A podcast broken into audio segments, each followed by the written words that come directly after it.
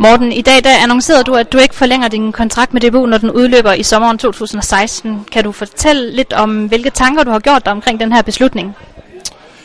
Nå, jamen altså, selvfølgelig har jeg gjort mange tanker omkring den. Øh, det er nu på 15 år, øh, så det er lang tid. Øh, jeg har også været 19 år som spiller, så det bliver 16 år som, som, som træner.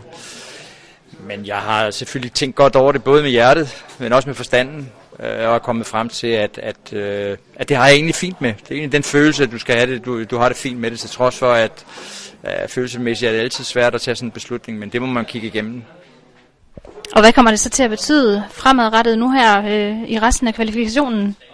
Jo, men jeg er stadigvæk dedikeret og topmotiveret jo til at, at, øh, at have jobbet selvfølgelig. Det er klart, der er stadigvæk 16 måneder, og jeg kender jo jobbet og, og, og, og synes, det er et rigtig godt job. Øh, så, så det bliver spændende. Det bliver spændende. Har jeg prøvet det nogle år. Øh, så, så, så jo, det har, jeg det, det har jeg det fint med. Hvordan har det været for dig at besidde den her stilling som landstræner igennem så mange år? Jamen, det, det, det er jo en livsstil. Det er også med stolthed. Det er en kæmpe ære, især for, for dit eget land. Uh, jeg har også, jeg har egentlig følt mig hjemme. Jeg har aldrig anset det som, som et arbejde, uh, og, og, og, og motivationen har ligget i ordet interesse. Uh, det du brænder for. Hvad kommer du til at savne allermest så?